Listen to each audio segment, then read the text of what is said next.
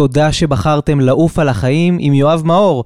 הפעם אני בלי אליאור זכאים, אליאור אה, מתכונן כרגע להרצאה גדולה, אה, מאוד מאוד גדולה, שיש לו ביום חמישי הקרוב, אה, אז הוא לא יכל אה, להיות בפרק השבוע, אה, ואמרתי לו שאם הוא לא יוכל לעשות פרק, אני מבקש באופן אישי לעשות את הפרק הזה אה, לבד. אה, בגלל שיש נושא שמאוד מאוד חשוב לי לדבר עליו אה, ולשתף אתכם בו אה, ברמה האישית. ובמיוחד במיוחד חשוב לי לעשות את זה לפני ראש השנה, לפני שמתחילה שנה חדשה, כי אני חושב שהפרק הזה זה הדבר שאתם אה, הכי צריכים לשמוע אה, כשאנחנו בתקופה כזאת של קבלת החלטות לשנה החדשה, אה, בתקופה כזאת שה, שהכל מתחדש ושאנחנו ככה חושבים עם עצמנו מי האנשים שאנחנו רוצים להיות ומסכמים את השנה שחלפה. אה, וליאור כמובן פרגן לי ואמר, אם אתה רוצה לעשות פרק לבד, אז אה, קדימה. והנה אני פה. אז uh, אני לא אקרא לזה פרק 59, אני אקרא לזה מין uh, פרק בונוס כזה. והכותרת של הפרק הזה היא החוויה הכי קשה שהייתה לי השנה. Uh, אתם מכירים את העניין הזה שאנשים ככה, כשמתחילה שנה חדשה, אוהבים לשתף ברשתות החברתיות, והם תמיד כותבים את האולי קלישאה הזאת. אמ, זאת ללא ספק הייתה השנה הכי משמעותית בחיים שלי. תמיד איכשהו זה מרגיש שכל שנה הייתה השנה הכי משמעותית בחיים שלנו, אבל אני חושב שאם אני באמת מסתכל על השנים שחלפו אה, האחרונות בחיים שלי, לא כל שנה הייתה באמת שונה או משמעותית יותר מזאת שהייתה לפניה. אבל אם אני מסתכל על השנה האחרונה שחלפה, באמת היא הייתה סופר משמעותית, וזה בגלל שקרה לי במהלכה אירוע שאני לא חשבתי לעולם שיקרה לי, אירוע קשה, אירוע לא נעים, אה, אירוע שאולי לא הייתי רוצה לשתף איתכם אה, כאן בפרק, אה, אבל אירוע שעם כל חוסר הנעימות שלו, אני חושב שיש סיבה אמיתית שאלוהים בחר דווקא בי שהדבר הזה יקרה לי, כי הוא אמר, אם מישהו בעולם צריך לסבול את הדבר הזה, אז שזה יהיה בן אדם שיוכל אחר כך לדבר ולשתף. ובאמת לחלוק את מה, ש... את מה שהוא למד ואת מה שהוא חווה באירוע הזה עם כל כך הרבה אנשים, ויוכל לעשות את זה ב... ב... בלי, בלי לפחד ובלי לגמגם, אולי קצת לגמגם. אבל uh, בשורה התחתונה קרה משהו מאוד מאוד לא טוב השנה, ואני ארצה לשתף אתכם בו, כדי שאם במקרה זה קורה גם לכם, אתם תדעו מה לעשות. אה, ובאופן כללי, כדי שתראו את הכלים שבא, שבאמצעותם אני התמודדתי עם האירוע הזה, ותוכלו, גם אם הוא לא יקרה לכם, לרשום, ללמוד ולראות איך הדבר הזה יכול להיות נוכח גם בחיים שלכם. אז uh, קדימה, בואו נצלול, ואני פשוט אכניס אתכם לסיטואציה. Uh, אני יודע שאולי זה קצת פחות צחוקים וקצת פחות ככה קליל, כמו הפרקים המשותפים של ליאור ושלי, אבל אני מבטיח לכם שמי שישמע ואני אשתדל להיות הכי, הכי תמציתי והכי פחות חופר. מי שישמע את הפרק הזה עד הסוף, אני מבטיח לכם חוויה אה, באמת באמת, אולי אפילו משנת חיים, אני לא מגזים. אז הכל התחיל, אה, אני חושב שזה היה 27 ליוני, כן, זה היה התאריך, ה-27 ליוני 23. אני נמצא בתל אביב בעוד יום של פגישות רגילות לגמרי עם הלקוחות המדהימים שלי במשרד. אני יושב ואני מעביר איזושהי מצגת ללקוח, ואתם יודעים, יום עבודה. פתאום אני רואה שהטלפון שלי מצלצל בלי סוף, אה, וזאת אימא שלי. עכשיו, אני רגיל שאימא שלי מצלצלת אליי לפעמים כדי להגיד לי שהגיע אליה דואר על השם שלי, או כל מיני דברים כאלה. אני כבר הרבה שנים לא גר אצל אימא שלי. אה, אבל היא מתקשרת שוב ושוב ושוב ושוב, ואני לא עונה, אני נמצא בפגישה עם לקוח גדול, אתם יודעים, אין לזה צורה שאני אעצור את הפגישה ואני אגיד להם, טוב, תקשיבו, אני צריך לענות לאימא. אבל זה לא מפסיק ולא מפסיק, ואימא שלי בסופו של דבר בן אדם הגיוני. כלומר, אם מתקשרת שוב ושוב ושוב ושוב, אה, באותו רגע אני מבין שיכול להיות שקרה פה משהו שהוא באמת אה, חמור. ואז אני אומר להם, אה, עם כל אי הנעימות, תקשיבו, אני חייב שנייה לקחת את זה, אה, כאילו, זאת אימא שלי, והיא אף פעם לא מתקשרת כל כך הרבה פעמים ברצף. היא לרוב מבינה, מבינה רמזים פעם אחת. אה, ואני מרים את הטלפון, תוך כדי שאני בפגישה בחדר הישיבות עם בערך אה, שמונה מנהלים ומנהלות מטעם הלקוח שנפגשתי איתו, ואימא שלי פשוט צורחת שכל בן אדם שהיה בחדר יכל לשמוע את זה אפילו שהשיחה לא הייתה על רמקול, אה, והיא צועקת, יואב, תבוא מהר הביתה, הגיעו לפה חמישה שוטרים והם באו לקחת אותך. אני באותו רגע חושב ש... שמעתי משהו לא נכון, אני אומר לה, אם את בטוחה, באו שוטרים לקחת אותי? היא אומרת, כן, תקשיב, באה לפה משטרה, יש פה אנשים במדים, הם הראו לי תעודות והם רוצים לקחת אותך. אני אומר לה, אמא, קודם כל תירגעי, תני לי בבקשה לדבר עם אחד מהם. והיא נותנת לי את הטלפון, ואכן אה, בחור ככה עם קול אה, סמכותי, שומעים שהוא שוטר, נגיד את זה ככה, אומר לי, תקשיב, אה, תבוא מיד הביתה. אני אומר לו, תקשיב, אני פה בתל אביב בכלל, אני ביום עבודה, אני לא... בוא, אתה יכול לספר לי מה קרה? הוא אומר לי, אנחנו לא נוהגים לחשוף מידע כזה בטלפון, תבוא ונספר לך הכל. טוב, אני אומר ללקוחות שלי שאני חייב לסיים את הפגישה, ופשוט קיפלנו את הפגישה. ותוך כדי שאני מתארגן ולוקח את התיק שלי וככה מקפל את, ה, את הלפטופ ומתארגן לצאת, הם uh, מתקשרים אליי לטלפון והם אומרים לי, עזוב, אל תבוא לבית של אמא שלך, בוא uh, ניפגש בתחנת המשטרה בבאר שבע. אני אומר להם, מה, אתם רציניים? מה, מה לנסוע עכשיו מתל אביב לבאר שבע? אמרו לי, עזוב, אל תשאל שאלות, תגיע לבאר שבע, זה טוב לכולנו, פשוט נסיים עם זה ככה. אוקיי, אני כבר מבין שכל התוכניות שתכננתי להיום כנראה לא יקרו, אה, ואני נוסע לבאר שבע. נוסע, נוסע, נוסע, בפקקים, עניינים, אני לא יודע אם אתם יודעים, אבל מתל אביב לבאר שבע זה חתיכת נסיעה, וזה המון פקקים בשעה, זה היה בערך 4 אחרי הצהריים. הגעתי באזור 6 וחצי, 7, אה, זה היה סביב השעתיים אה, ומשהו של נסיעה בפקקים. ואני מגיע למקום ומקבל את פניי שוטר, ואני אומר לו, תגיד, מה לעזאזל אתם רוצים ממני? לא, לא, עשיתי משהו? קרה משהו? כאילו, אתם, מה, מה, אני, תחשבו מה זה נסיעה כזאת ועוד בלחץ והיסטריה ודפיקות לב מטורפות של, של מה רוצים ממך. אבל אל תשכחו שידעתי שלא עשיתי כלום. ידעתי שלא ביצעתי שום פשע, ולכן אני הנחתי שמה שהם רוצים לדבר איתי עליו זה אולי איזשהו חשד, איזה שהם חשדות שעשיתי משהו.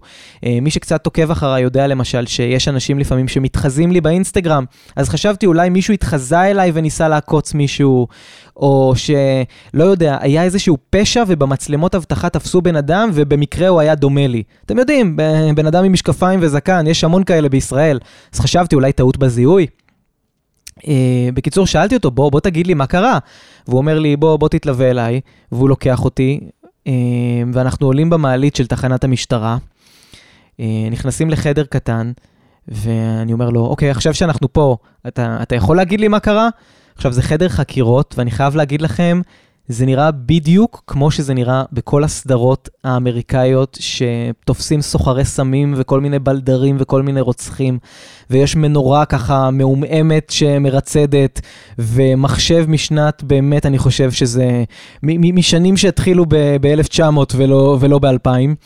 אה, ובאמת זה הכל כל כך לא נעים ולא מזמין, ואני לא מאחל לאנשים לבלות בחדרי חקירות, גם כשהם יודעים שהם לא עשו כלום, זאת לא חוויה נעימה. אה, ואני אומר לו, אוקיי, נו, אז בוא, בוא תספר לי מה קרה. והוא אומר לי, לפני שאני מתחיל לדבר, בבקשה תיתן לי את הטלפון שלך ואת השעון, אה, את הסמארט-וואץ' שלך, את האפל וואץ'. ואני נותן לו, ואני אומר לו, תגיד, למה אתה רוצה את השעון ואת, ה, ואת הטלפון שלי? הוא לוקח אותם, הוא מכבה אותם, הוא שם אותם בצד, אה, כנראה כדי לוודא שאני לא מקליט שום דבר.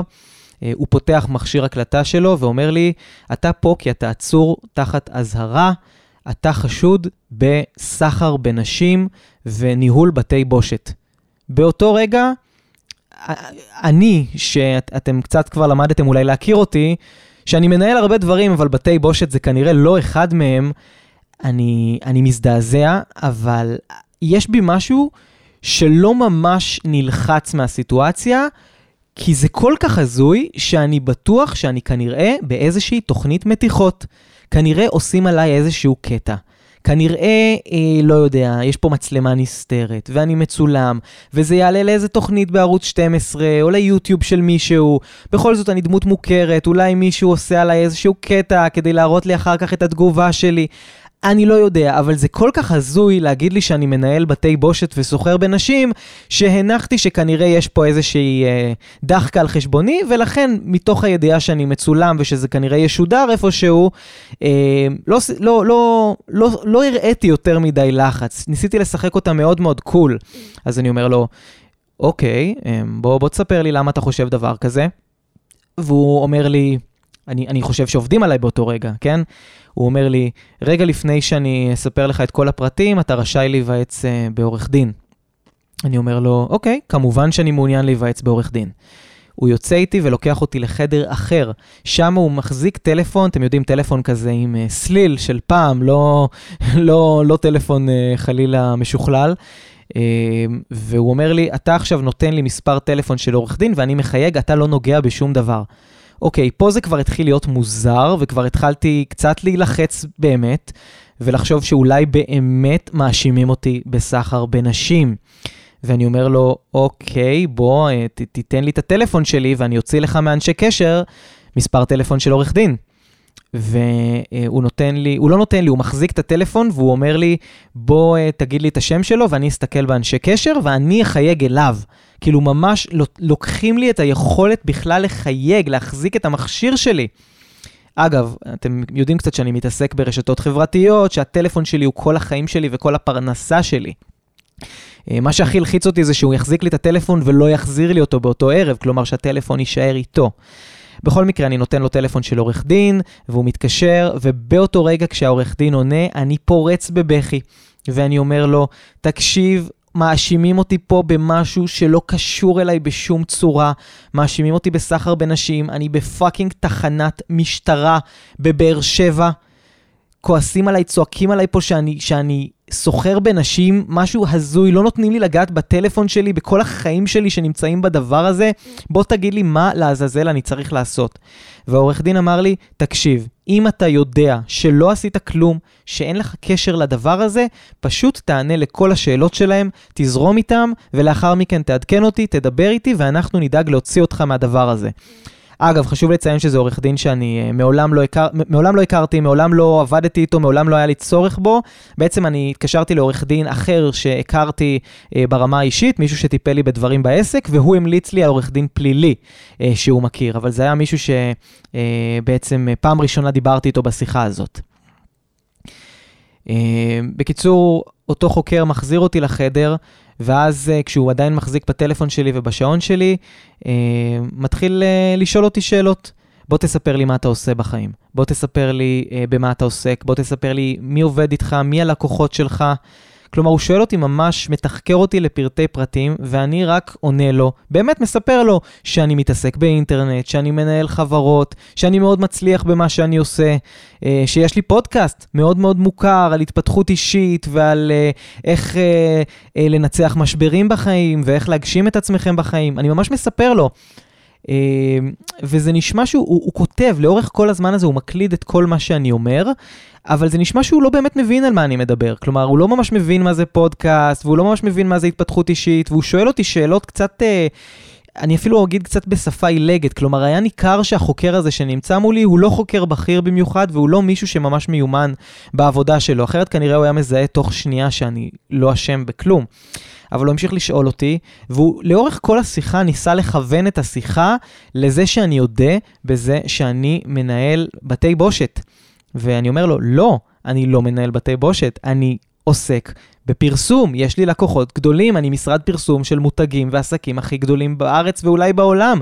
אני עושה את זה כבר 13 שנה, אני מאוד מצליח, תחפש את השם שלי, קנו את החברה שלי לפני כמה חודשים. כלומר, הכל... אני הבן אדם האחרון שיהיה לו קשר לסחר בנשים. אבל הוא ממשיך והוא שואל אותי שאלות על כל החיים שלי. בשלב מסוים הוא גם מבקש את הקוד לטלפון שלי ואת הסיסמאות למיילים שלי. הוא ממש מפשיט אותי. אה, ושואל אותי שאלה אחרי שאלה אחרי שאלה, ואני כבר מיואש, ואני גם רעב, ואני עייף, והזמן עובר, ואנחנו מוצאים את עצמנו כבר 10 ו-11 בלילה עדיין שם, והוא עדיין ממשיך לשאול אותי שאלות, ואני לא מבין למה אני שם, בלי הטלפון שלי, בלי יכולת אפילו להודיע, להודיע לאנשים בחיים שלי שמכירים אותי. תקשיבו, מאשימים אותי פה בסחר בנשים, בואו תעזרו לי לסיים את הדבר הזה, אני לא מבין מה קורה פה. אנחנו עונים שאלה אחרי שאלה אחרי שאלה, וכמו בסרטים, אתם מכירים את זה שיש את החוקר הטוב והחוקר הרע, הוא כנראה היה החוקר הטוב, כי אחת לכמה דקות גם נכנס לחדר עוד מישהו, כזה קצת יותר גדול, יותר שרירי ועם קעקועים, והוא כאילו היה כנראה, המטרה שלו הייתה להיות החוקר הרע. הם דיברו כזה ביניהם, והוא ככה מדי פעם, הבחור הרע, זה שנכנס מדי פעם, זרק לי דברים כמו, תגיד, אתה לא מתבייש לעשות דברים כאלה? אתה לא מתבייש לנצל את הידע שלך ואת ההבנה שלך באינטרנט כדי לסחור בנשים, כדי לפתוח אתרי פורנו ואתרי זנות? באמת, ואני אומר לו, תקשיב, זה לא אני, אני לא עשיתי את זה. והוא פשוט מסתכל עליי במבט חלול ואומר, את זה, את זה אנחנו נראה בהמשך. יכול להיות שדברים שאתה חושב שלא עשית, אתה בעצם כן עשית אותם. כלומר, בכלל ביטל, רואה בן אדם מסכן, עייף, כמעט בוכה מולו, ופשוט מדבר בצורה... אני מבין את הגישה הזאת, כן? כי יכול להיות שהגישה הזאת זו גישה שנוקטים בה כדי להוציא וידויים מאנשים שבאמת עשו את, ה, את הפשעים שמיוחס, שמיוחסים להם. כלומר, יכול להיות שאותו בן אדם פוגש במהלך העבודה שלו גם אנשים שהם באמת פושעים, והם כנראה לא מודים בהתחלה, אה, רובם הגדול. אז הוא פשוט משתמש בשיטות האלה. אבל אני, שבאמת כל כך רחוק מהעולמות האלה, צריך למצוא את עצמי נאבק להוכיח בשעה כמעט 12 בלילה, שאני לא סוחר בנשים. אמ, זה באמת היה סיטואציה שוברת לב, אני, אני באמת, אני כל כך רציתי שזה יהיה מתיחה, אבל בשלב מסוים אל תוך הלילה, כשזה כבר נשברתי נפשית, אמ, היה לי ברור כבר שזה לא מתיחה, כי כל אדם שיש לו קצת... אה, הומור, או אני לא יודע, הבנה במתיחות, היה מבין שפה זה כבר מזמן חצה את הגבול המצחיק, זה כבר הפך להיות התעללות בנפש של האדם. אה, בשלב מסוים הוא מסיים את השאלות, והוא לוקח אותי לחדר נוסף, בעצם הוא מלווה אותי אה, לחדר נוסף, ושם הוא מבקש ממני להכניס את האצבע שלי לתוך דיו, והוא לוקח ממני טביעות אצבע, ואז הוא בעצם אה, מצמיד אותי לקיר ואומר לי להסתכל למצלמה, והוא אומר לי אה, להיות בפרופיל, והפרופיל השני, ובאמת הוא מצלם אותי בעצם לתמונות אה, קלסטרון האלה, לתמונות של העבריינים, ממש כמו שאתם רואים בסרטים, כל מה שאתם רואים שם זה מה שקרה לי. ממש, הוא הראה לי אפילו את התמונות שלי, אני מסתכל ואני לא מאמין, אני רואה את עצמי פתאום ב... ב ולאורך כל הזמן הזה אני רק רוצה לצרוח, די, בוא נסיים עם, עם הסיוט הזה, די, אני לא הבן אדם שלכם. אבל אני כל כך עייף, ולאורך אותו ערב, הם כל כך הרבה פעמים אמרו לי, אנחנו יודעים שזה אתה, אנחנו יודעים שזה אתה, שבשלב מסוים אתה כבר מתחיל לחשוב, אולי זה באמת אתה, אולי מתוך, לא יודע, שינה, היסח הדעת, מתוך איזשהו, אני לא יודע. אולי, אולי משהו מהתכנים שאני מעלה לפודקאסט התפרש כשידול לזנות וסחר בנשים. אני לא יודע, הם עושים את זה בצורה כל כך בטוחה בעצמה, שהם באמת גורמים לאנשים הכי לא אשמים לחשוב שאולי הם כן אשמים. אמ, ואחרי שסיימנו את כל הסיוט הזה, הוא מלווה אותי בחזרה לאותו חדר חקירות, תוך כדי שהוא אומר לי משפט שאני לא אשכח לעולם. הוא אומר לי, אז מה אתה אומר? אני עכשיו העברתי את כל הפרטים שלך, של החקירה, אה, לקצינת החקירות שלי, זאת כנראה מי שככה מנהלת את... אה, מי שנמצאת וממונה מעל אה, אותו חוקר.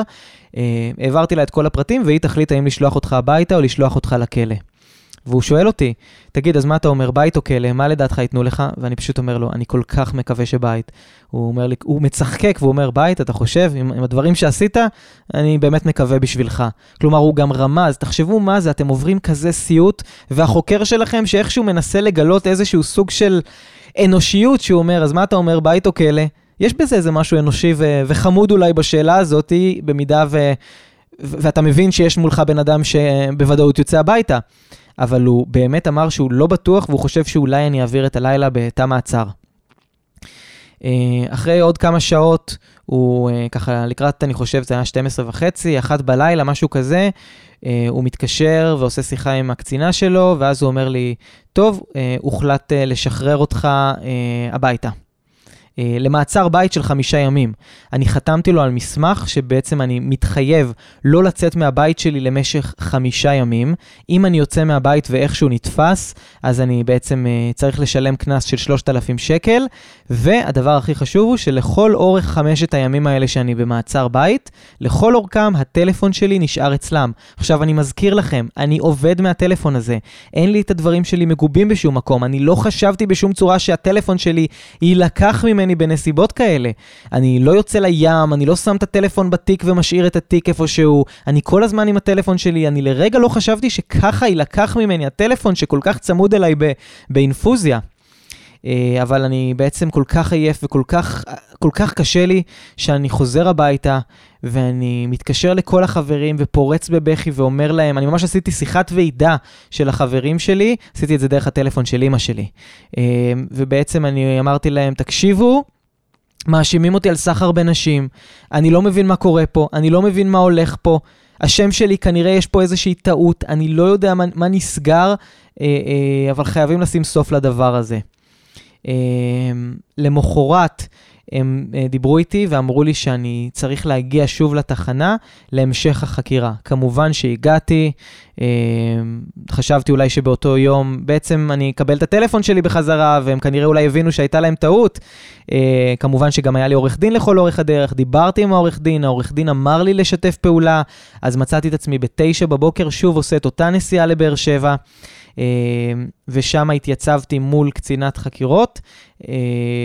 גם העורך דין הכין אותי שהוא דיבר עם הקצינת חקירות, הסביר לה את המקרה, ואמר לה שיש להם כנראה טעות ואני לא הבן אדם שלהם, שאני בכלל בן אדם לגיטימי, נורמטיבי, מנהל עסקים הכי לגיטימיים בעולם, יש לי חברה מצליחה בתחום רחוק מאוד מהעולם של, ה, של הסחר בנשים והזנות. והוא אמר לי שהיא אפילו נשמעה מאוד ידידותית בשיחה, ושהיא כנראה הבינה את המצב. אה, ואכן, אה, נפגשתי איתה, והיא הייתה אה, חייכנית אליי, ואמרה לי שלום, וכשנפגשנו, היא אמרה לי, תחכה כאן, אני רוצה שהמפקד שלי יפגוש אותך. אמרתי, אוקיי. אם היא רוצה לסדר לי פגישה עם המפקד, כנראה המפקד רוצה להתנצל בפניי, להגיד שכנראה חלה פה טעות. הם כנראה הזמינו אותי מסיבות לא נכונות, ובואו נסיים את כל המקרה. איזה כיף. חיכיתי וחיכיתי וחיכיתי, אני חושב שזו הייתה המתנה של איזה שעה וחצי, ואז היא באה אליי, קדימה, הוא רוצה לראות אותך.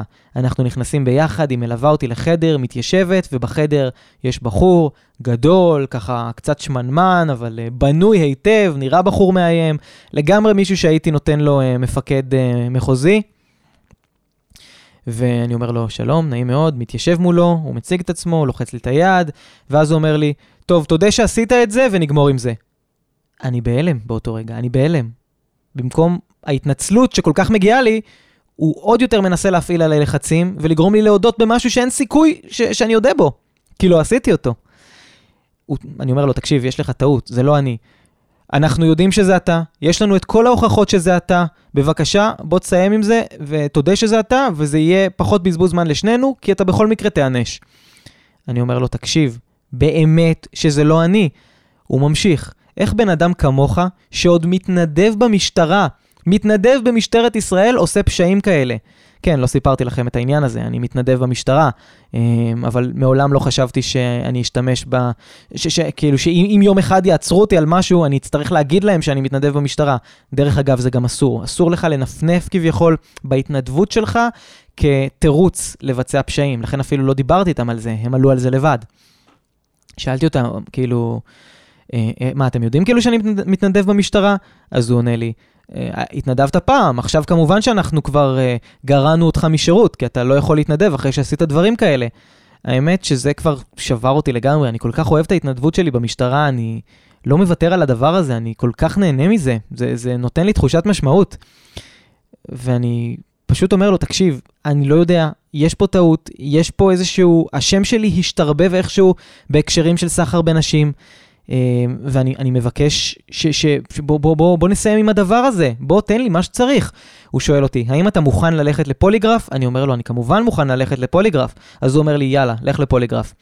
Um, כמה שעות אחרי זה כבר שלחה אותי ניידת מטעמם למכון פוליגרף שנמצא באזור, ורגע לפני שאני מתחיל את הפוליגרף, העורך דין שלי מתקשר אליי ואומר לי, אתה עכשיו אומר להם שאתה מסרב לעשות את הפוליגרף. אני אומר לו, תגיד, אתה נורמלי? מה זאת אומרת? אם אני אגיד להם שאני מסרב, אז הם יגידו שזה בגלל שאתה יודע שאתה אשם. העורך דין אומר לי, תקשיב, זה תרגיל שלהם, אל תעשה את הפוליגרף, תגיד להם שאתה מסרב ותחזור לתחנה. אני מתחיל לבכות בטלפון, אני באמת בכיתי כמו שלא בכיתי בחיים שלי. אני לא זוכר את עצמי עם פרץ כזה של דמעות ברגעים הכי קשים, שמצד אחד אני רוצה להוכיח את חפותי, ומצד שני העורך דין שלי שאמור להוציא אותי מזה, וכנראה ראה מאות מקרים כאלה, אומר לי, אתה עכשיו אומר להם, אני לא עושה פוליגרף. זאת הייתה ההחלטה הכי קשה שקיבלתי בחיים שלי. אני בא לחוקר שלקח אותי שם בניידת, ואני אומר לו, תקשיב, אני לא עושה פוליגרף. הוא מתחיל לצעוק עליי, ברצינות, זה טוב יותר בשבילך. אם אתה לא, אם אתה לא אשם, תעשה את הפוליגרף ונשחרר אותך. אני אומר לו, לא, עורך הדין שלי לא מאשר לי. ואז הוא אומר לי, אוקיי, מפה אתה ישר עכשיו הולך לתחנה וזה יכול להסתיים בכלא. אני אומר לו, עם כאב ענק, ענק, אה, אני לא, אני לא עושה את הפוליגרף הזה. אה, עורך דין שלי לא מאשר לי ואני עושה את מה שהוא אומר לי. הוא לוקח אותי חזרה בניידת, הוא כבר הרבה יותר עצבני נראה, הוא נראה שפקעה סבלנותו, תוך כדי שאנחנו הולכים לניידת הוא צועק עליי, תגיד לי מה, אתה מבזבז לי את הזמן? היית אומר את זה כבר בתחנה הקודמת, סתם נסעתי, סתם לקחתי אותך לפה, אתה עכשיו, אתה לא מבין איך הסתבכת עכשיו, אתה, אין, אין לך מושג אפילו איזה נזק, נזק עשית לעצמך בזה שאתה לא מוכן לעשות את הפוליגרף, ותוך כדי שהוא לוקח אותי, אני פשוט אומר לעצמי בלב, תסמוך על עורך הדין שלך. תסמוך על עורך הדין שלך, תסמוך על עורך הדין שלך. אם הוא אומר לך את זה, הוא כנראה יודע מה הוא אומר לך. אנחנו מגיעים לתחנה, שם הקצין ההוא אה, לקח אותי אה, לקומה שלישית, אה, הוא אוחז ביד שלי, ובאמת אה, אה, שם הוא מכניס אותי לחדר שוב של אותו, אותו חדר של אה, אה, אה, ראש היחידה, ושם אה, כולם, ברגע שאני מתהלך שם ב, באזור, במסדרון של, ה, של התחנה, אנשים מסביב, שוטרים, צועקים לי, ברצינות לא עשית פוליגרף? וואי וואי וואי, אתה לא מבין איך הסתבכת. או, סוף סוף תפסנו אותו. כלומר, הם ממש חגגו את זה שלא עשיתי פוליגרף, אה, וכאילו חגגו את זה שכנראה הודיתי בעצם שאני הבן אדם, ובעצם זה שלא עשיתי את הפוליגרף, ככל הנראה פתרתי להם את התיק. ואז קרה משהו מוזר. ממש ממש ממש מוזר. לקחו אותי לחדר קטן, אותו חוקר מהיום הראשון התיישב מולי, מהערב בעצם לפני, התיישב מולי, שאל אותי כמה שאלות ושחרר אותי הביתה. להמשך מעצר בית כמובן, המעצר בית לא בוטל, אבל הוא שחרר אותי הביתה. זה היה נורא נורא מוזר. כלומר, אני הייתי בטוח שאני הולך לכלא, וכנראה עורך הדין צדק. כנראה אם הייתי עושה את הפוליגרף, כנראה איזושהי דפיקת לב שלי או משהו שכתוצאה מהסיטואציה שהיה מלחיץ בכל מקרה, גם אם אני הכי דובר אמת, היה משמש אותם כדי להוכיח כביכול שאני אכן משקר, ואכן אה, באמת עשיתי את הדבר הזה. אבל אה, בעצם היותי לא עושה את הפוליגרף, בעצם כנראה נתתי, לא נתתי להם דרך להוכיח שזה באמת אני, ושחררו אותי הביתה. זה היה מוזר, זה היה כנגד כל אינטואיציה אפשרית, אבל uh, אני אחד שמתמסר לאנשים שהוא לוקח את השירותים שלהם, ואני פשוט שוחררתי הביתה. אז היו לי חמישה ימים של מעצר בית, שהייתי בבית, אה, גם עבדתי מהבית, בעצם ראיתי שאין לי טלפון ואני לא יכול להיות בלי טלפון, אז ביקשתי מאנשים מהעבודה שלי להקפיץ לי טלפון חלופי. ולשמחתי אני באפל, ואפל זוכרים את כל המידע וכל הפרטים שלך, ולכן תוך שנייה כל המידע שלי ירד בחזרה, ויכולתי לעבוד מאותה נקודה שהפסקתי, ובאמת אה, תודה לסטיב ג'ובס על הטכנולוגיה המופלאה שנקראת אייפון. Uh, אני מניח שאולי גם באנדרואיד יש את הגיבויים האלה, אבל uh, בכל מקרה, אני מאוד מאוד נהניתי מהקסם הזה שאתה לוקח מכשיר חדש, מזדהה עם שם וסיסמה, ותוך רגע המכשיר חוזר לאותו מקום. ובאמת עבדתי מהבית במשך חמישה ימים, לא יכולתי לצאת. אה, זה היה סבל מאוד מאוד גדול, כי אתה יודע, עצם זה שאני צריך להגיד ללקוחות למשל שאני עולה מהזום ולא בא לפגישות כי אני במעצר בית, זה מאוד מאוד מוזר. עצם זה שעובדים שלי במשרד פתאום לא רואים שאני מגיע למשרד וצריכים לשמוע שאני במעצר בית. כלומר, ברור להם לחלוטין שלא עשיתי כלום, הם יודעים שאני טיפוס הוגן, אבל אה, תמיד יכול להיות הספק הקטן הזה, כי הם רואים שאני, לא יודע, מתעסק באינטרנט, מחשבים, אולי אה, חוץ מהעסק שאני מנהל, אה, שהם עובדים בו, ניהלתי גם עסקים מפוקפקים אחרים.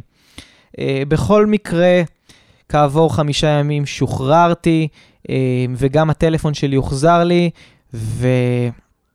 והדבר היפה הוא שתוך כמה ימים פורסמה ידיעה בתקשורת שנעצרו אשמים, ארבעה אשמים מאזור המרכז שניהלו בתי בושת. כלומר, הקייס הזה, האנשים האמיתיים שבאמת ניהלו את בית הבושת, שבאמת הפעילו את המנגנון סחר בנשים הזה, הם נעצרו, מצאו את האנשים האמיתיים. אני לא רוצה להיכנס לסיבות למה הגיעו דווקא אליי. אה, אם אתם רוצים, אני אה, אשלח אתכם בתיאור של הפרק הזה לכתבה שמסבירה את זה יותר טוב, כי חדשות 12 עשו על זה כתבה.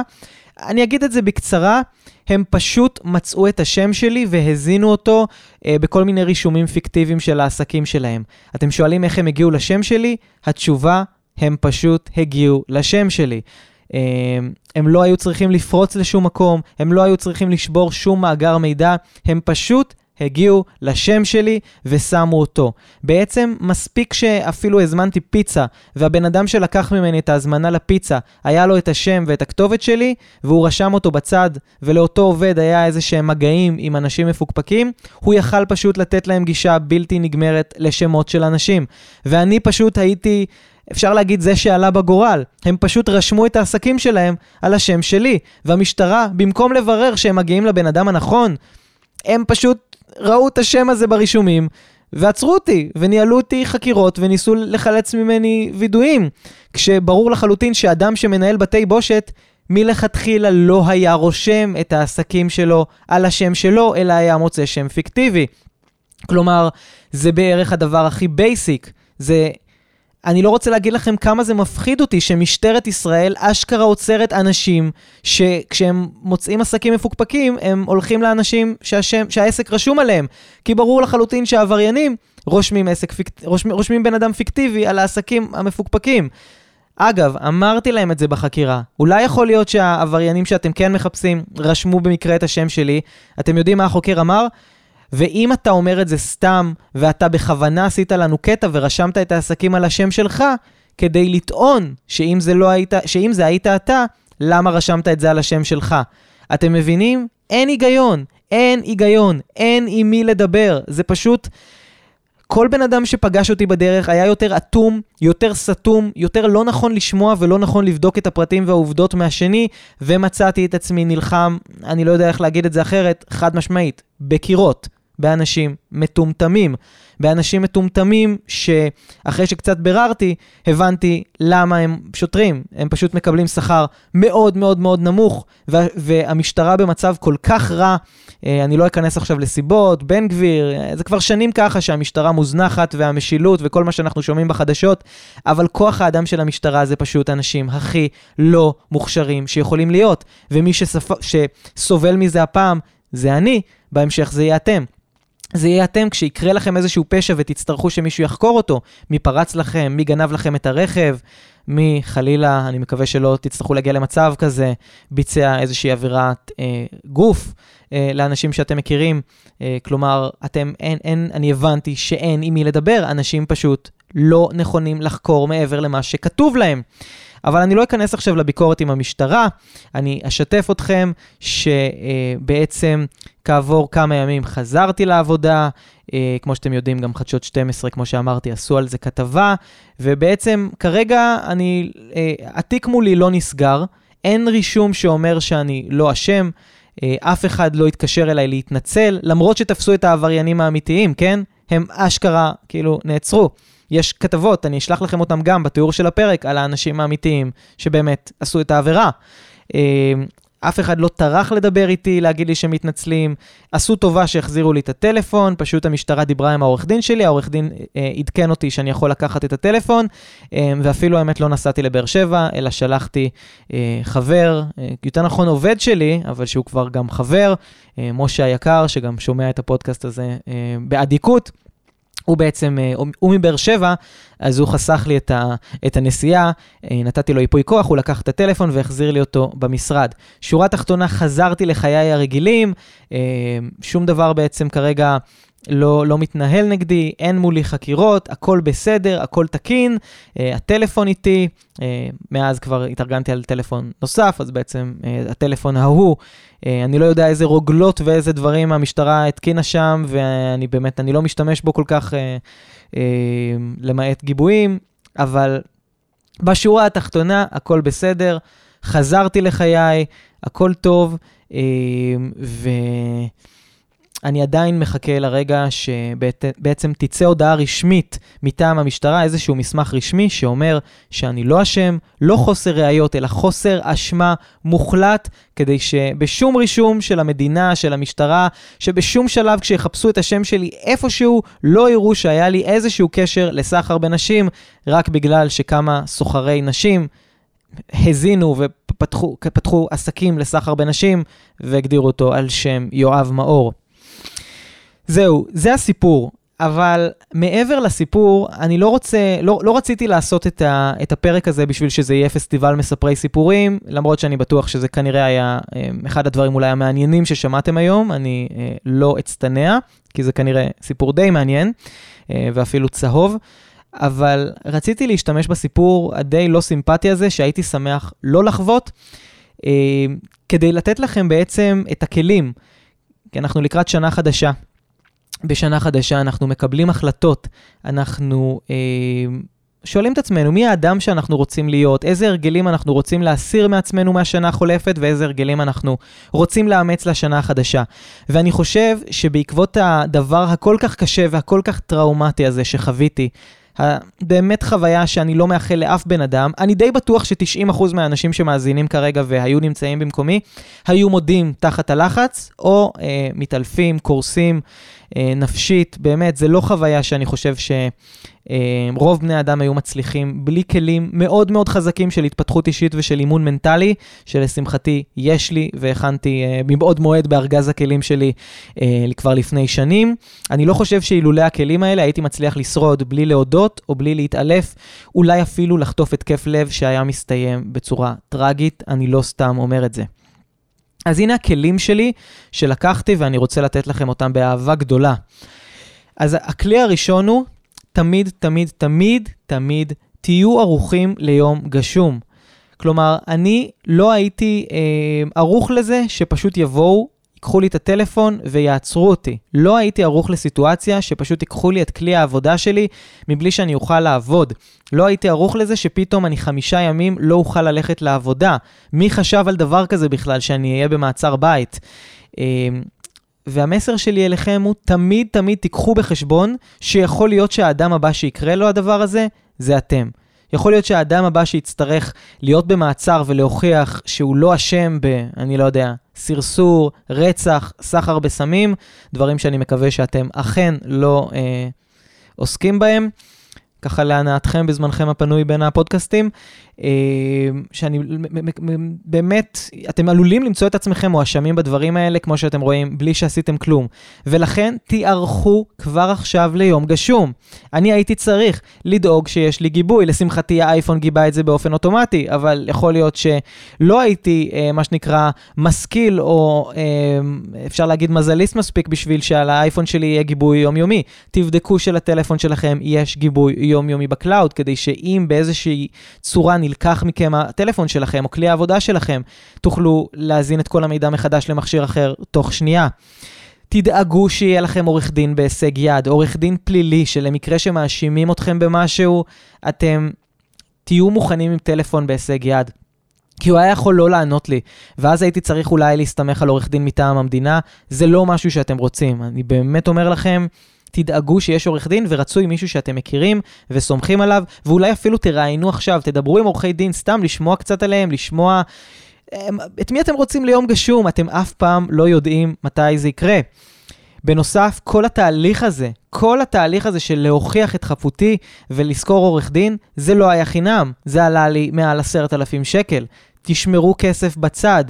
עורך דין לא יעבוד בחינם, הוא, הכסף יחזור אליכם רק אם אחרי כל התהליך הזה אתם תתבעו תביעה נגדית את המדינה.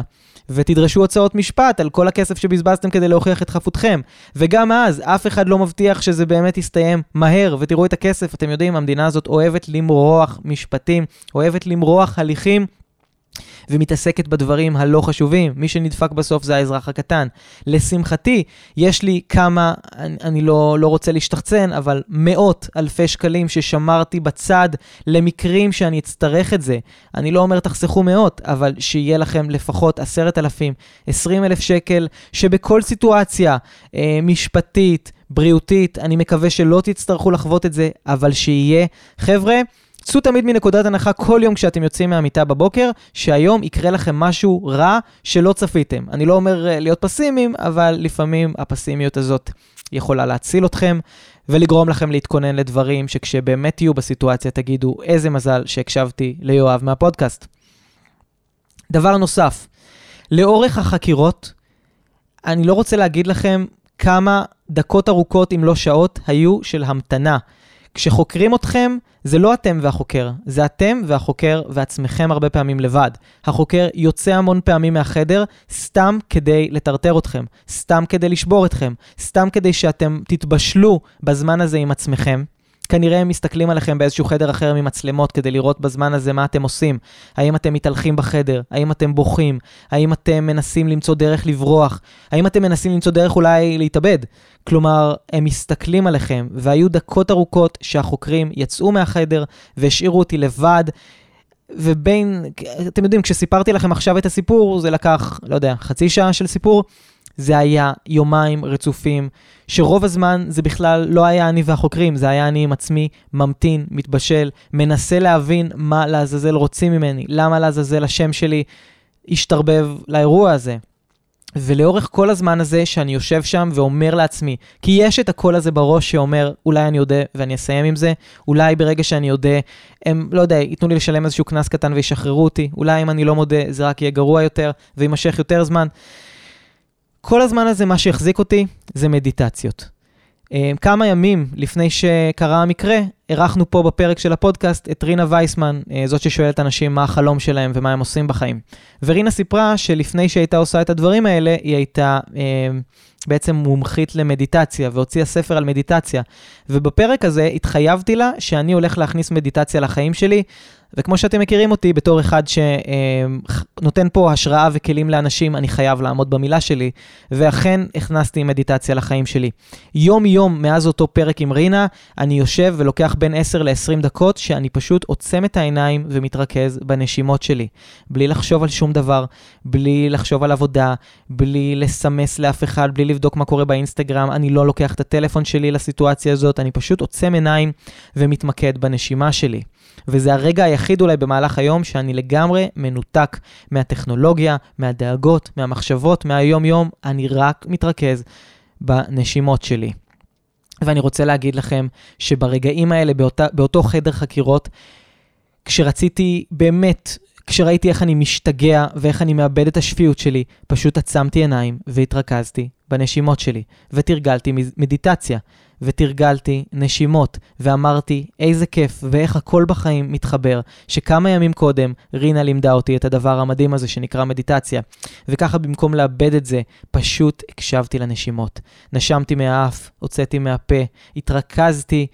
אני יכול להגיד לכם שזה שמר עליי שפוי, שזה שמר עליי נינוח, שזה עזר לי לא לאבד את השפיות שלי, זה עזר לי להסתכל לחוקרים בעיניים ולהגיד להם, תקשיבו, יש לכם פה טעות, לא אני עשיתי את זה. זה עזר לי לדבר איתם באופן שפוי ובאופן שקול, שבן אדם אחר יכול להיות היה מזמן מאבד את זה, ואולי באיזשהו מקום מפליל ומסגיר את עצמו. ואני חושב שזה מאוד מאוד הגיוני, כי... יש משהו בדבר הזה, במדיטציה, יש משהו בלהתמסר לנשימות שלנו, שזה להתמסר לדבר הכי טהור והכי אה, טבעי שיש לנו. כלומר, גם כשאני נמצא בחדרי חקירות, במקום הכי מגעיל בעולם, בלי הטלפון שלי ובלי שום הסחות דעת, כשיש כל כך הרבה מחשבות וכל כך דאגות בראש, מה יקרה לי? יכניסו אותי לכלא? אני אצא מזה בקנס? יהיה לי תיק פלילי? יכול להיות שכל הלקוחות שלי יעזבו אותי אחרי שהם יבינו שהם עובדים עם לא עלינו סרסור? כל המחשבות האלה נמצאות שם בראש, אבל אני באותו רגע מקשיב לנשימות שלי בלבד, מתרכז באוויר שנכנס, מתרכז באוויר שיוצא, וממש מבין, פיזית מבין בגוף שלי, שיכולים לקחת לי את הגוף, ויכולים לקחת לי את הטלפון, אבל לא יכולים לקחת לי את הנשימה, לא יכולים לקחת לי את הדבר הכי טבעי בעולם, ושגם אם אני אהיה בכלא עד יומי האחרון, אני יכול להיות רגוע, אני יכול להיות שפוי, אני יכול להתרכז בנשימה שלי, בדבר הכי טהור וטבעי. אני לא יודע בכלל איך להסביר לכם ולהגיד לכם כמה הדבר הזה פשוט הוריד את מפלס הלחץ ברמות שאני פשוט לא האמנתי שזה אפשרי. בסיטואציה הכי מלחיצה בעולם, אני פשוט יושב ועושה מדיטציה ועוצם עיניים. אני די בטוח שזה היה מאוד מאוד מצחיק כשהם הסתכלו עליי במצלמות מהצד לראות איך אני מגיב כשהם משאירים אותי לבד. הם ראו פתאום בן אדם שהם מצפים לראות אותו מתהלך בחדר ומשתגע ומאבד את זה לגמרי, ואולי מנסה לטשטש איכשהו ראיות, או שולף איזשהו מכשיר קשר סמוי מה, לא יודע, תחתונים או הגרביים. במקום זה הם רואים בן אדם עושה מדיטציות, אני בטוח שזה די גרם להם להבין שיש להם עסק עם הבן אדם הלא נכון. חברים, תתרגלו מדיטציה עוד היום, בין 10 ל-20 דקות ביום, רק אתם והנשימה שלכם. עזבו שזה משפר את כל החיים, זה יהיה שם בשבילכם כשאתם תצטרכו את זה ברגעים קשים וברגעים שכל בן אדם אחר היה מאבד את זה. הדבר הבא שאני רוצה לדבר איתכם עליו זה אה, ליצור קהילה. כשאני ישבתי שם בחדר חקירות ושמעתי אישומים והאשמות על זה שאני מנהל בתי בושת, לא הייתי שם לבד. היו איתי 22 אלף עוקבים של האינסטגרם ו-18 אלף עוקבים של הטיק טוק, וזה הולך וגדל יום-יום. כלומר, אני ידעתי שברגע שאני מסיים את כל האירוע המטורלל הזה, הדבר הראשון שאני עושה זה לשתף את העוקבים שלי בדבר המטורף הזה שקורה לי פה, בדבר ההזוי הזה שקורה לי פה. אבל אני הרגשתי שאני לא לבד, אני הרגשתי שיש סביבי קהילה אדירה של אנשים שעוקבת אחריי, שאוהבת את התכנים שלי, ששומעת את הפודקאסט שלנו, שיש פה הרבה מאוד אנשים שעוברים איתי את הדבר הזה, ולמרות שלא היה לי את הטלפון לשתף איתכם את מה שקורה לי, אני ידעתי שאם הייתי במקרה מעלה סטורי מהחקירות, הייתי מקבל מכם כזאת תמיכה אדירה, וכאלה הודעות מפרגנות וטובות. וכשאני אומר לכם ש... טיק טוק שווה יותר מתואר, אני לא אומר את זה כדי לשכנע אתכם לא לעשות תואר. אני באמת אומר את זה כי היום הקהילה שאנחנו בונים ברשתות החברתיות זה ממש מציל חיים, כי כשיצאתי משם וכשחזרתי לטלפון וכששיתפתי את העוקבים שלי בסיפור שלי ובזה שמאשימים אותי בסחר בנשים, כל כך הרבה אנשים שלחו חיזוקים והציעו עזרה, ופתאום אנשים אמרו לי, תקשיב, אני מכיר אנשים שחוקרים ביחידה הזאת, אני אבדוק איך אפשר לסגור לך את התיק, והיו אנשים שניסו להמליץ לי על כל מיני אה, אה, דרכים לבדוק איך אפשר לזרז את, ה, את הבדיקה של התיק, והיו אה, אה, כל מיני כתבים שפנו אליי כדי לעשות על זה כתבה, וגם אמרו לי שהם מכירים את החוקרים שחקרו אותי, והם יודעים שזה אנשים לא מוכשרים, ולא לקחת את זה קשה. כלומר, ברגע ששיתפתי את הקהילה המדהימה שלי ברשתות החברתיות במה שאני עובר, פתאום זה הפך מאירוע טראומטי לאפילו סיפור שכיף לספר עליו. ויותר מזה, כשיש כל כך הרבה אנשים שמקשיבים לי ושתופסים ממני ברשתות החברתיות, פתאום אמרתי לעצמי, כל הדבר הזה שקורה פה, זה יהפוך להיות סיפור טוב לאנשים שעוקבים אחריך, עם מוסר השכל שהם יוכלו כל כך ללמוד ממנו ולקחת ממנו. יש סיבה מאוד גדולה שאני עושה את הפרק הזה כרגע. אני באמת מאמין שהסיטואציה הכל כך נוראית הזאת יכולה לתת לכל כך הרבה אנשים, אבל אם לא הייתי משקיע שנים ובונה קהילה ברשתות וצובר עוקבים ויוצר תוכן, לא הייתה לי את הקהילה הזאת, לא היה לי את מי לשתף חוץ מכמה חברים, שזה גם, אני לא מטיל בזה דופי. אבל תחשבו שבכל מקום שאתם נמצאים, יש כל כך הרבה אנשים שיהיו שם בשבילכם, ברמה של סטורי וברמה של פוסט. אין, אין תחליף לדבר הזה. תתחילו לייצר קהילה עוד היום. זה לא רק, שוב, זה לא רק כדי למכור לאנשים דברים ולעשות מהם כסף, אין פה עניין כלכלי. יש פה עניין נפשי של תמיכה, ותמיכה של אלפים היא חזקה מתמיכה של יחידים. ויש לכם היום את כל הטכנולוגיה, להגיע עם מי שאתם ועם האדם הייחודי שלכם והתחומי עניין הייחודיים שלכם והאופי הייחודי שלכם לאלפים של אנשים שיראו בכם מישהו כמוהם, ש- שהם ירצו לעקוב אחריו. אז תעשו את זה, באמת תעשו את זה. אה, בקשר, אה, בהמשך ישיר למה שאמרתי פה על יצירת קהילה, הטיפ הבא שלי אליכם, אם עברתם חוויה קשה, תדברו עליה, תשתפו אותה, אל תתביישו, אנשים צריכים לדעת מזה. ולא רק כי אני יודע שכשעוצרים אתכם ומאשימים אתכם בכל מיני עבירות הזויות, האינסטינקט הראשוני הוא כנראה אה, אה, לשמור עמוק עמוק עמוק עמוק אה, בארון, או להשמיד כל ראייה לכך שהסיפור הזה קרה, ולתת, לא, לא לתת לאף אחד אי פעם לדעת שהדבר הזה קרה ושהאשימו אתכם. אבל אני דווקא הלכתי והתראיינתי ושיתפתי על זה, גם כי אני יודע שאין לי מה להסתיר ולא עשיתי את זה. אבל גם כי זה יכול לעזור לכל כך הרבה אנשים, והנה, כמה ימים אחרי המקרה, תאמינו או לא, תראו מה זה הטבע, ומה זה ה... לזמן ליקום דברים. חבר פנה אליי ואמר לי שקרה לו מקרה דומה, והוא רצה ממני טיפים. התקשרו אליו מתחנת משטרה וביקשו ממנו להגיע. ביקשו ממנו להגיע בגלל שהוא מנהל איזושהי קבוצת פייסבוק, ומישהו שנמצא בקבוצה הזאת העלה איזשהו אה, אה, פוסט שיש בו, אה, אני אגיד, אה, מין, אה, אני לא אכנס לפרטים, אבל איזשהו מין אה, משהו, מין, מין הפשיעה. אה, והוא אפילו לא ראה את זה, אותו חבר שלי שמנהל את הקבוצה, והם האשימו אותו בעצם שבזה שהוא לא מחק את הפוסט, הוא בעצם נותן יד בפשע. והוא סיפר לי על ה... איך, איך הם האשימו אותו סתם, ואיך הם עשו לו את המוות, ולא נידבו מידע, ופנו אליו בהאשמות בלי שהוא בכלל יודע על מה מדובר לפני ש... והעבירו אותו באמת מדורי גיהנום לפני שהם סיפרו לו מה קרה. עצם זה שהיה לאותו חבר, אותי, לשתף אותי ולהתייעץ איתי, כי הוא ידע שאני עברתי משהו הרבה יותר גרוע באותו עניין, אמ, זה מדהים, זה מדהים, כי שוב, כשאתם משתפים דברים, אנשים, האנשים הבאים שזה יקרה להם, ולצערנו זה יקרה, יבינו שהם לא לבד. אין דבר יותר נדיב ויותר אה, אצילי אפילו, מלשתף בדברים רעים שקורים לכם.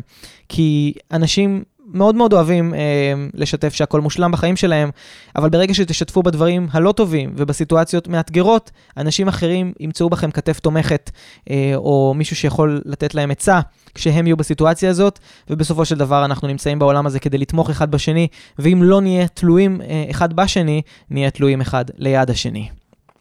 אה, והדבר האחרון שאני רוצה להגיד לכם, וזה נשמע קצת קלישאתי, אבל אני באמת מאמין לזה, תבחרו תמיד בטוב. כלומר, אני יודע שאנחנו חיים בעולם שאין טוב ורע מוחלטים, וכשאתם עושים משהו טוב עבור עצמכם, הרבה פעמים זה משהו רע עבור מישהו אחר. הרבה פעמים, לא יודע, כשאתם, אה, נגיד לצורך העניין, מנצחים באיזושהי תחרות ספורטיבית, אתם בהכרח גורמים למישהו אחר להפסיד. או כשאתם סוגרים עסקה בעסקים, מישהו אחר כנראה אה, לא קיבל את העסקה הזאת, והוא היה יכול אם אתם לא הייתם בתמונה. כלומר, תמיד שמשהו טוב לכם, לא תמיד, אבל הרבה פעמים כשאתם עושים משהו טוב עבור עצמכם, זה בא על חשבון מישהו אחר. אז אין באמת טוב ורע מוחלטים בעולם הזה. אבל יש מקומות בעולם שכן יש טוב ורע מוחלטים, ויש שיקול דעת, וזה כשאתם יודעים שהדבר שאתם עושים הוא לא הדבר הנכון. אם מישהו עכשיו אומר לכם, בוא נפתח עסק שעובד על אנשים וגוזל מהם כסף ומוכר להם כל מיני הונאות, כמו קריפטו, שזה הונאה, סלחו לי, אבל זה הונאה, או כל מיני קורסים שאתם יודעים שהקורסים האלה לא עושים כלום, ו- ו- ונעשה מזה כסף, אתם יודעים שאתם יכולים להרוויח כסף, אבל אתם יודעים שאנשים ישלמו לכם ולא יקבלו כלום, או יישארו בלי כסף. ולכן זה לא הדבר הנכון לעשות, לא משנה כמה תרוויחו מזה. או לצורך העניין אפילו בכביש, יש לכם אפשרות לגנוב רמזור אדום, אתם באמצע הלילה, רמזור אדום, אף אחד לא רואה, אתם, זה רק אתם עם עצמכם, אולי אין אפילו מצלמה. אבל אני מבטיח לכם שאם תחכו שהרמזור יתחלף לירוק ותבחרו בטוב, שאתם יודעים שהוא הטוב האקסיומטי המוחלט, אתם תהיו הרבה יותר רגועים. אני, כשאני הייתי שם, באותן חקירות, משהו שהחזיק אותי זה לדעת שלא עשיתי את זה, שמעולם לא עשיתי שום פשע, שאין על מה לחקור אותי, שאני בן אדם טוב. איך אני אגיד לכם את זה? כשחברים שלי שמעו ש... שחוקרים אותי על סחר בנשים ועל זנות, הם אמרו, אנחנו בהלם, יואב זה בן אדם שאף אחד, כאילו, הוא כל כך יואב זה בן אדם שכל כך עושה את מה ש, שצריך לעשות ואת מה שנכון לעשות, שהוא לא ייקח יותר מלגימה אחת מכוס חד פעמית, רק כי כתוב על זה כוס חד פעמית. כלומר, עד כדי כך אני עושה רק את מה שנכון ואת מה שסחי, אבל בסוף זה משתלם לי כי אני רגוע. אני יודע שגם כשעוצרים אותי וצועקים עליי, אני יכול להסתכל לחוקר בעיניים ולהגיד לו, לא עשיתי כלום, אתה לא תמצא עליי שום דבר לעולם. ואין תחליף לזה שאתה יכול לישון בלילה כשאין שום דבר שאפשר למצוא עליך, בין אם ניהול בתי בושת וקזינואים וסחר בנשים, ובין אם לעבור את הכביש אה, ואת מעבר החצייה באור אדום. גם את זה אני לא עושה. וזה מה שאני ממליץ לכם, לבחור תמיד בטוב כשאתם יודעים שמה שאתם בוחרים בו הוא הדבר הנכון. Uh, אני רוצה כאן לסיים את הפרק, אבל פתאום כשאני חושב על זה, יש עוד משהו קטן ש... שאני רוצה להוציא אתכם, וזה פשוט להעריך את החופש שלכם. אנחנו נמצאים כאן, אני מקליט לכם פרק, אתם שומעים פרק. אולי אתם יושבים כרגע מול היוטיוב, אולי אתם בחדר כושר, אולי אתם עושים כרגע כלים, אולי אתם עומדים להירדם, אני לא יודע מה אתם עושים, אבל זה כנראה משהו שאתם בחרתם לעשות אותו. ותבינו כמה בכל רגע נתון יכולים לדפוק לכם בדלת, להיכנס שוטרים, לשים לכם אזיקים, בלי שעשיתם כלום, ופשוט ליטול, פשוט ליטול מכם את החופש. פשוט ליטול מכם את החופש שלכם, ואתם תצטרכו להילחם מאוד מאוד חזק כדי להוכיח אה, שאתם לא אשמים. כלומר, אומרים שתמיד אה, אתה לא אשם עד שהוכחה אשמתך, לא, לא, לא. אם זה יקרה לכם, אני אומר את זה קצת אה, בציניות, קצת בכעס, אתם אשמים עד שהוכחה חפותכם, ואתם תצטרכו לעבוד מאוד מאוד קשה ולדבר עם אנשים לא מאוד תקשורתיים, לא מאוד אינטליגנטיים, שלא מאוד אוהבים לקום בבוקר לעבודה שלהם, ואין להם ממש חשק להקשיב לכם, כדי להוכיח שלא רצחתם, לא סרסרתם, לא סחרתם בסמים. אז תעריכו את החופש שלכם, ותדעו שכל דבר שקורה לכם השנה, לא משנה מה, כל עוד אתם חופשיים, הכל מתגמד. מי שלא ענתה לכם בוואטסאפ, או לא, או לא רצתה להיפגש אחרי דייט אחד, זה מבאס, אבל אתם לפחות אנשים חופשיים. הבוס שלכם אומר שבזמן האחרון הביצועים שלכם לא כל כך טובים, או שהוא לא יכול לתת לכם את ההעלאה במשכורת שרציתם, הכל טוב, אבל לפחות אתם חופשיים, לפחות לא מאשימים אתכם בשום דבר. תבינו, אני לא, לא, תמיד שאמרו לי דבר כזה, לפחות אתה חופשי, אני אמרתי, כן, כן, כן, אבל היה לי יום חרא, כאילו, זו זכותי להתמרמר.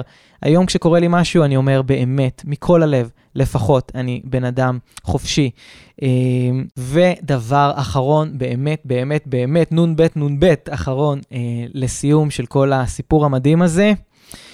אמ, תמיד בחיים, לכל דבר שקורה לנו, יש סיבה ויש מוסר השכל. אגב, אני לא אומר שזאת המציאות וזה לא האמת, אבל זו דרך הרבה יותר נכונה ומעצימה עבורכם להסתכל על החיים. ואף אחד לא יבוא, אף זקן סיני לא ידפוק לכם בדלת ויגיד, הדבר הזה שקרה לכם עכשיו זה המוסר השכל שלו. זה, זה מה שאתם צריכים ללמוד ממנו. תקשיבו, תרשמו. לא, אתם תהיו אלה שבכל רגע נתון צריכים לחולל את מוסר ההשכל, ולפעמים זה לא קל, ולפעמים זה fake it until you make it. אבל אם עכשיו פיטרו אתכם מהעבודה, או אה, אה, חברה שלכם עזבה אתכם, או כל דבר שלא נעים שקורה בחיים קרה לכם, אתם יכולים להחליט עבור עצמכם מה מוסר ההשכל. ואני כנראה הייתי צריך את מוסר ההשכל הזה. הייתי צריך להבין שאולי כסף ועבודה זה לא הכל בחיים, ושחופש זה דבר יותר חשוב. הייתי צריך להבין אה, אה, כמה אני צריך להעריך את השגרה שלי, גם כשלפעמים היא מבאסת ושקשה לי בעבודה. הייתי צריך להעריך... אני לא יודע, אולי הייתי פשוט צריך לקבל את הכלים האלה כדי לתת אותם לכם ולעשות את החסד הזה עבורכם ועבור עצמי לשנה החדשה. אבל הדבר הזה שקרה לי, היה צריך לקרות לי, והכל קורה אה, בדיוק בזמן, והכל מדויק, וזה מה שאני אה, מזמין אתכם לצאת איתו מהפרק הזה לסיום, אה, שבאמת כל דבר שצריך לקרות, קורה בחיים. אז אני אעשה איזושהי סקירה אחרונה על כל מה שדיברנו כאן בפרק, תיערכו תמיד ליום גשום, תשלבו מדיטציה כבר מעכשיו בין 10 ל-20 דקות ביום.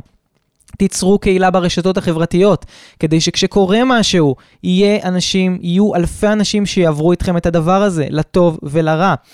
עברתם חוויה קשה, אל תסתירו את זה, תשתפו על זה. זה לא סתם שאנשים שמשתפים באונס שהם עברו, או באלימות שהם חוו, או בחרם, או ב, אפילו בבדידות שלהם בעולם הרווקות. זה לא סתם שהאנשים האלה מקבלים את התגובות בסוף הכי טובות, כשהם הכי פחדו לפני שהם שחררו את, את המידע האישי והמאוד חושפני ועירומני הזה אפילו, יכול להיות שהמצאתי מילה, אבל יש בזה משהו, איזשהו סוג של עירום. לפני שהם חשפו את המידע הזה, הם מאוד התלבטו, וזה תמיד הכי מרגש והכי נוגע באנשים. אני מבטיח שאם תשתפו, אה, אני מבטיח שאם תשתפו ברשתות החברתיות שעברתם אירוע קשה וטראומטי, זה ירגש אנשים הרבה יותר מאשר אם תצלמו להם ששכרתם פרארי ואתם נוסעים בה בדובאי. באמת שזה הרבה הרבה יותר נכון, ובעיניי זה גם שימוש הרבה יותר אצילי לרשתות החברתיות.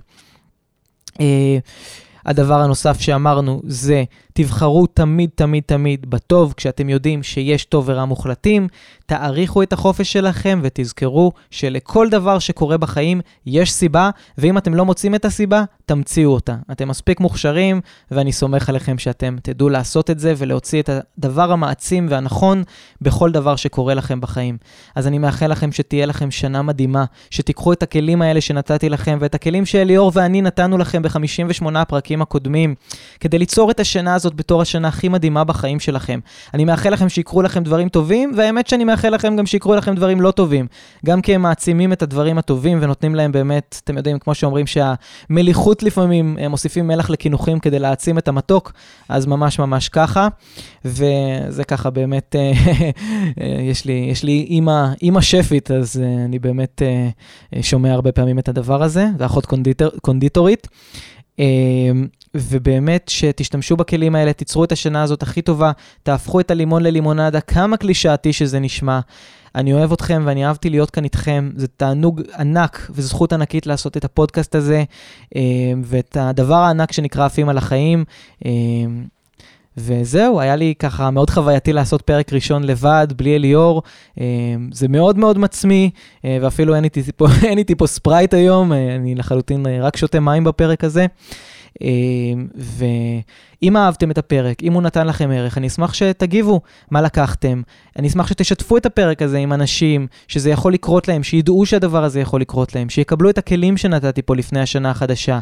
אה, ובאמת, אני, אם אהבתם את הפרק הזה, שזה רק אני לבד, אה, ואת הסטייל החדש הזה של פרקי יחיד, אני אשמח שתגיבו את זה גם, ואולי נעשה יותר פרקים כאלה, שלי לבד, של אליאור לבד.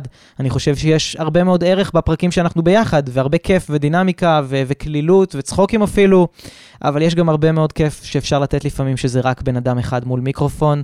אה, זה הרבה יותר חושפני, ויש משהו בהתפשטות הזאת גם מול המיקרופון, שאני בטוח שאתם תוכלו לקבל ממנה המון. אז לא משנה איפה אתם נמצאים כרגע, אני מאחל לכם חג שמח, תאהבו, תיתנו. תעניקו לעצמכם ולעולם. אני אוהב אתכם, וניפגש בפרק הבא של עפים על החיים ושנה טובה ומוצלחת.